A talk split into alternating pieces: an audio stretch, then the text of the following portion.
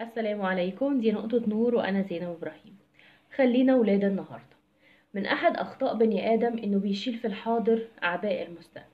النتيجة إنه بيشيل الهم والهم بيبقى ما يتلم. الحل عيش في حدود يومك. واحد من الفصول الجميلة جدا في كتاب الشيخ محمد الغزالي جدد حياتك. واللي هنتناقش في الفكرة اللي عرضها دي والمناسبة جدا جدا للظرف الإنساني اللي كلنا بنمر بيه. واجه مطالب الحاضر وعالج مشاكله كده تأمين ليومك ولبكرة. في دكتور اسمه أسلو في جامعة بيل كان بيأكد على الطلبة بتوعه إنهم يبدأوا يومهم بدعاء السيد المسيح خبزنا كفافنا أعطنا اليوم. يعني إحنا محتاجين اللي يكفينا النهاردة. خلي يومنا كويس النهاردة. زي ما بنقول بالبلدي خلي يومنا يعدي على خير. هو هنا بيعلمهم ما يفكروش في خبز امبارح اللي ممكن يكون رديء امبارح عدى وخلاص ما نفكرش فيه. ولا إنهم يخلوا ولا إنهم يخافوا على قوت بكرة اللي جاي. كان بيحاول يوصل لهم فكرة إن خبز النهاردة وحده هو بس اللي بيمكنهم إن هم يعيشوا النهاردة. الرسول الكريم كان بيقول نفس المعنى. من أصبح آمنا في سربه معافا في بدنه عنده قوت يومه فكأنما حيزت له الدنيا بحذافيرها.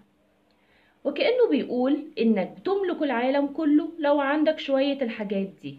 عندك الأمان العافية كفاية يوم واحد. كلها تقدر تخلي العقل ينتج ويفكر بهدوء. المشكلة اللي كلنا بنقع فيها هي استعجال الضوائق استعجال المشاكل أو استعجال البلاء قبل وقوعه. وبنستغرب إن النهاردة عدى على خير. زي ما بنقعد قعدة حلوة وبنضحك وبنقول اللهم اجعله خير. ده بسبب إن عندنا إرث كبير من التشاؤم وعدم الثقة بالنفس. الحل إن الإنسان يستفتح يومه يعني يؤمن بأن الله الفتاح الذي بعظمته وقدرته يفتح كل ما هو مغلق أمام عباده وما استصعب عليهم من أمور الدنيا. سيدنا إبراهيم كان له دعاء جميل بيناجي بيه ربنا صباح كل يوم. اللهم إن هذا خلق جديد. فافتحه علي بطاعتك واختمه لي بمغفرتك ورضوانك. وارزقني فيه حسنة تقبلها مني وزكها وضاعفها لي. وما عملت فيه من سيئة فاغفرها لي إنك غفور رحيم كريم ودود. قال الرسول من دعا بهذا الدعاء فقد أدى شكر يومه. عش في حدود يومك. فكرة تجزئة الحياة. استقبال كل جزء منها بروح جديدة وعزم جديد. روي أن رجل سأل عمرو بن العاص ألست من فقراء المهاجرين؟ فقال له عمرو بن العاص ألك امرأة تأوي إليها؟ قال نعم. قال ألك مسكن تسكن فيه؟ قال نعم. قال إنك من الأغنياء. قال الرجل وإن لي خادما. فقال له عمرو فأنت من الملوك. هنا بيجي في دماغنا سؤال في الآخر. يعني ما نخططش لبكرة؟ ما نهتمش بالمستقبل ما يبقاش عندنا طموح. الإجابة لا طبعا. اللي يقصده البودكاست النهاردة أو نقطة النور النهاردة إن في فرق كبير بين الاهتمام بالمستقبل والاهتمام بيه. مهتم غير مهتم أو شايل الهم. مستعد للشيء غير غرقان في تفاصيل بتاعة بكرة اللي هو لسه مجاش لسه في علم الغيب. فرق كبير بين إننا نكون مستعدين للاستفادة والاستمتاع بيوم ربنا وهبهولنا النهاردة. وبين إننا مرتبكين ومتحيرين من اللي جاي بكرة. نختم النهاردة بمقولة محمد الغزالي في كتابه جدد حياتك أتدري كيف يسرق عمر المرء منه؟ يذهل عن يومه في ارتقاب غده. قيمة الحياة في أن نحياها. والسلام عليكم ورحمة الله وبركاته. دي. ومكسرات نقطة نور في رمضان. قطايف مكسرات نقطة نقطة نور في رمضان. نور في رمضان. وأنا زينب إبراهيم. طيب.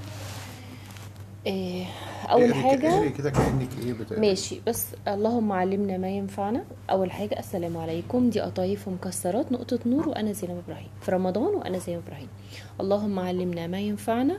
بصي يا حسام الفئة المستهدفة اللي أنا عايزة أوصل لها المعنى مش عشان أديك بس فكرة يعني الفئة المستهدفة اللي أنا عايزة أوصل لها ال- المعنى ده اللي هي فئة ال- المراهقين لغاية 20 سنة اللي هي الفئة اللي هي إيه عايزة المعلومة خفيفة وبسيطة جميل حلو. مش معقدة. دي الفئة اللي أنا مستهدفاها. جميل خلاص؟ جميل. هبدأ. اللهم علمنا ما ينفعنا وانفعنا بما علمتنا. جميل تمام؟ جميل. اللهم أرنا الحق حقا وارزقنا اتباعه وأرنا الباطل باطلا وارزقنا اجتنابه. اللهم اجعلنا ممن يستمعون القول فيتبعون أحسنه. أصل الدين معرفة الله. أفضل العلم هو العلم بالله وهو العلم بأسماء الله وصفاته وأفعاله. ومعرفة أسماء الله الحسنى فرض عين. في سلسلة قطايف هقدم أخواطر عن أسماء الله الحسنى. النهاردة اسم الله الوهاب. ذكر اسم الله الوهاب في القرآن في أكثر من موضع. منها الآية الكريمة في سورة آل عمران ربنا لا تزغ قلوبنا بعد إذ هديتنا وهب لنا من لدنك رحمة إنك أنت الوهاب الوهاب هو إيه؟ هو الذي يكثر العطاء بلا عوض ويعطي الحاجة بغير سؤال ويسبغ على عباده النعم والأفضال ماشي؟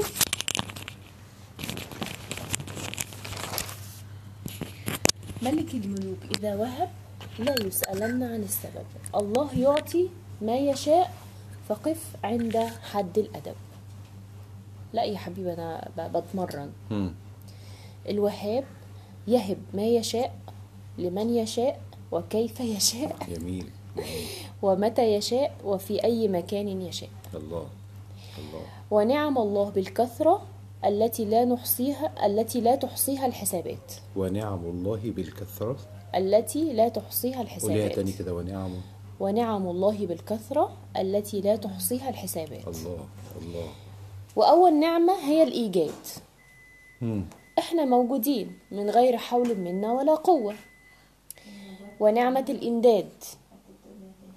الله أمدنا بالهواء بالماء الطعام والشراب والأهل والأخوة والسماء والأرض والأنهار وكل شيء هو هبة من الله. عطاء الله في الدنيا عطاء ابتلاء أو اختبار. الله يهب المال يهب الذكاء يهب الصحة يهب القوة يهب الحكمة يهب الوسامة وغيرها من النعم. السؤال المال مثلا نعمة أم نقمة؟ الإجابة المال موقوف على حسب طريقة إنفاقه. أنا طبعا مش هتكلم لغة عربية. لو كان في طاعة الله فهو نعمة ولو أنفقناه في معصية الله فهو نقمة. وكذلك القوة والذكاء. الخلاصة كل حظ من حظوظ الدنيا ممكن أن يكون نعمة نرتقي بها أو دركات نهوي بها.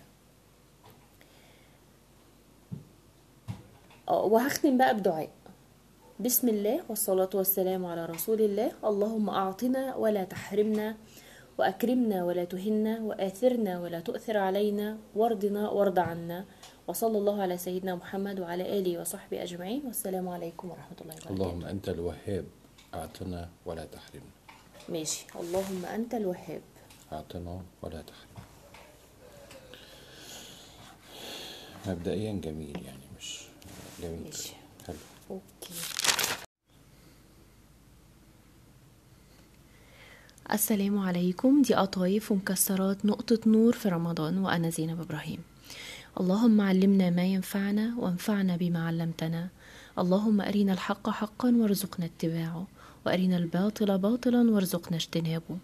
اللهم اجعلنا ممن يستمعون القول فيتبعون أحسنه. أصل الدين معرفة الله. أفضل العلم هو العلم بالله وهو العلم بأسماء الله وصفاته وأفعاله. إذا عرف الآمر سهلت الأوامر. ومعرفة أسماء الله الحسنى فرض عين. حلقتنا في نقطة نور في رمضان هتكون عن أسماء بعض أسماء الله الحسنى. النهاردة هنتكلم عن اسم الله الوهاب.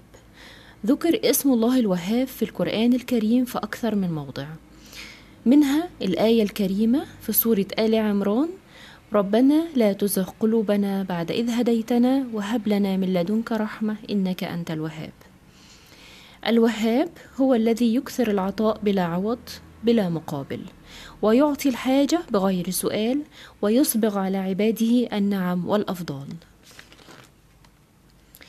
ملك الملوك إذا وهب لا يسألن عن السبب.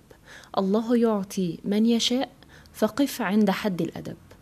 الوهاب يهب ما يشاء لمن يشاء وكيف يشاء ومتى يشاء وفي أي مكان يشاء. ونعم الله بالكثرة لا تحصيها الحسابات. وأول نعمة هي الإيجاد. إحنا موجودين من غير حول منا ولا قوة. ونعمة الإمداد. الله أمدنا بالهواء وبالماء وبالطعام والشراب والأهل والأخوة والسماء والأرض والأنهار وكل شيء هو هبة من الله. عطاء الله في الدنيا عطاء ابتلاء أو اختبار. الله يهب المال يهب الذكاء الصحة القوة الحكمة النجاح وغيرها من النعم. السؤال المال مثلا نعمة أم نقمة؟ الإجابة هو موقوف على حسب طريقة إنفاقه. لو كان في طريقة في طاعة الله فهو نعمة. ولو أنفقناه في معصية الله فهو نقمة. وكذلك الذكاء القوة الخلاصة. كل حظ من حظوظ الدنيا ممكن أن يكون نعمة نرقى بها أو دركات نهوي بها. ودي نقطة النور النهاردة. وأخيرا الدعاء. بسم الله والصلاة والسلام على رسول الله. اللهم أنت الوهاب. اللهم أعطنا ولا تحرمنا. وأكرمنا ولا تهنا وآثرنا ولا تؤثر علينا وأرضنا وارض عنا. وصلى الله على سيدنا محمد وعلى آله وصحبه أجمعين. والسلام عليكم ورحمة الله وبركاته.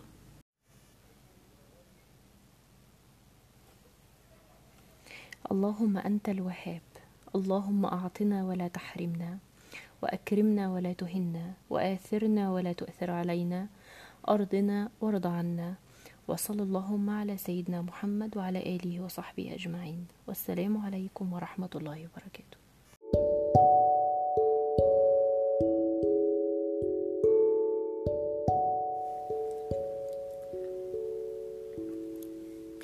السلام عليكم. دي قطايف ومكسرات نقطة نور في رمضان وأنا زينب إبراهيم. اللهم علمنا ما ينفعنا وانفعنا بما علمتنا. اللهم أرنا الحق حقا وارزقنا اتباعه. وأرنا الباطل باطلا وارزقنا اجتنابه. اللهم اجعلنا ممن يستمعون القول فيتبعون أحسنه. أصل الدين معرفة الله. أفضل العلم هو العلم بالله. وهو العلم بأسماء الله وصفاته وأفعاله. إذا عرف الآمر سهلت الأوامر. ومعرفة أسماء الله الحسنى فرض عين. حلقتنا في نقطة نور في رمضان هنتعرف فيها بشكل سريع عن بعض من أسماء الله الحسنى. النهاردة هتكلم عن اسم الله الوهاب.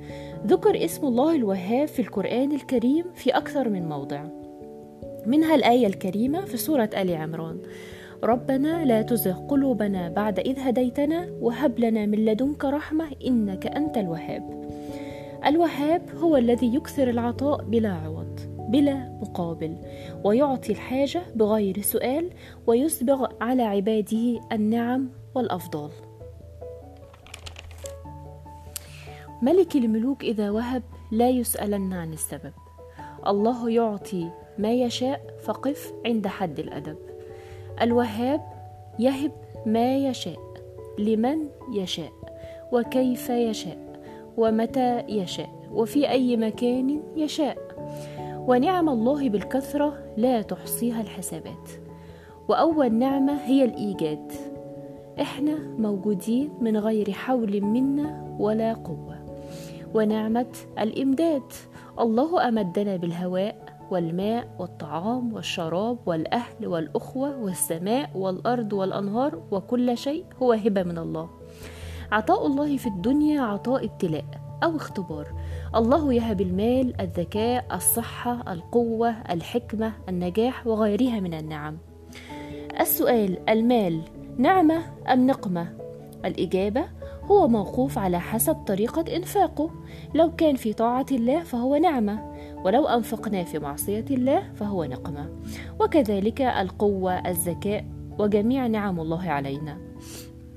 الخلاصة كل حظ من حظوظ الدنيا ممكن أن يكون نعمة نرقى بها أو دركات نهوي بها. ودي نقطة النور النهاردة. وأخيرا الدعاء. بسم الله والصلاة والسلام على رسول الله. اللهم أنت الوهاب. اللهم أعطنا ولا تحرمنا وأكرمنا ولا تهنا وآثرنا ولا تؤثر علينا. أرضنا وارض عنا. وصلى الله على سيدنا محمد وعلى آله وصحبه أجمعين. والسلام عليكم ورحمة الله وبركاته.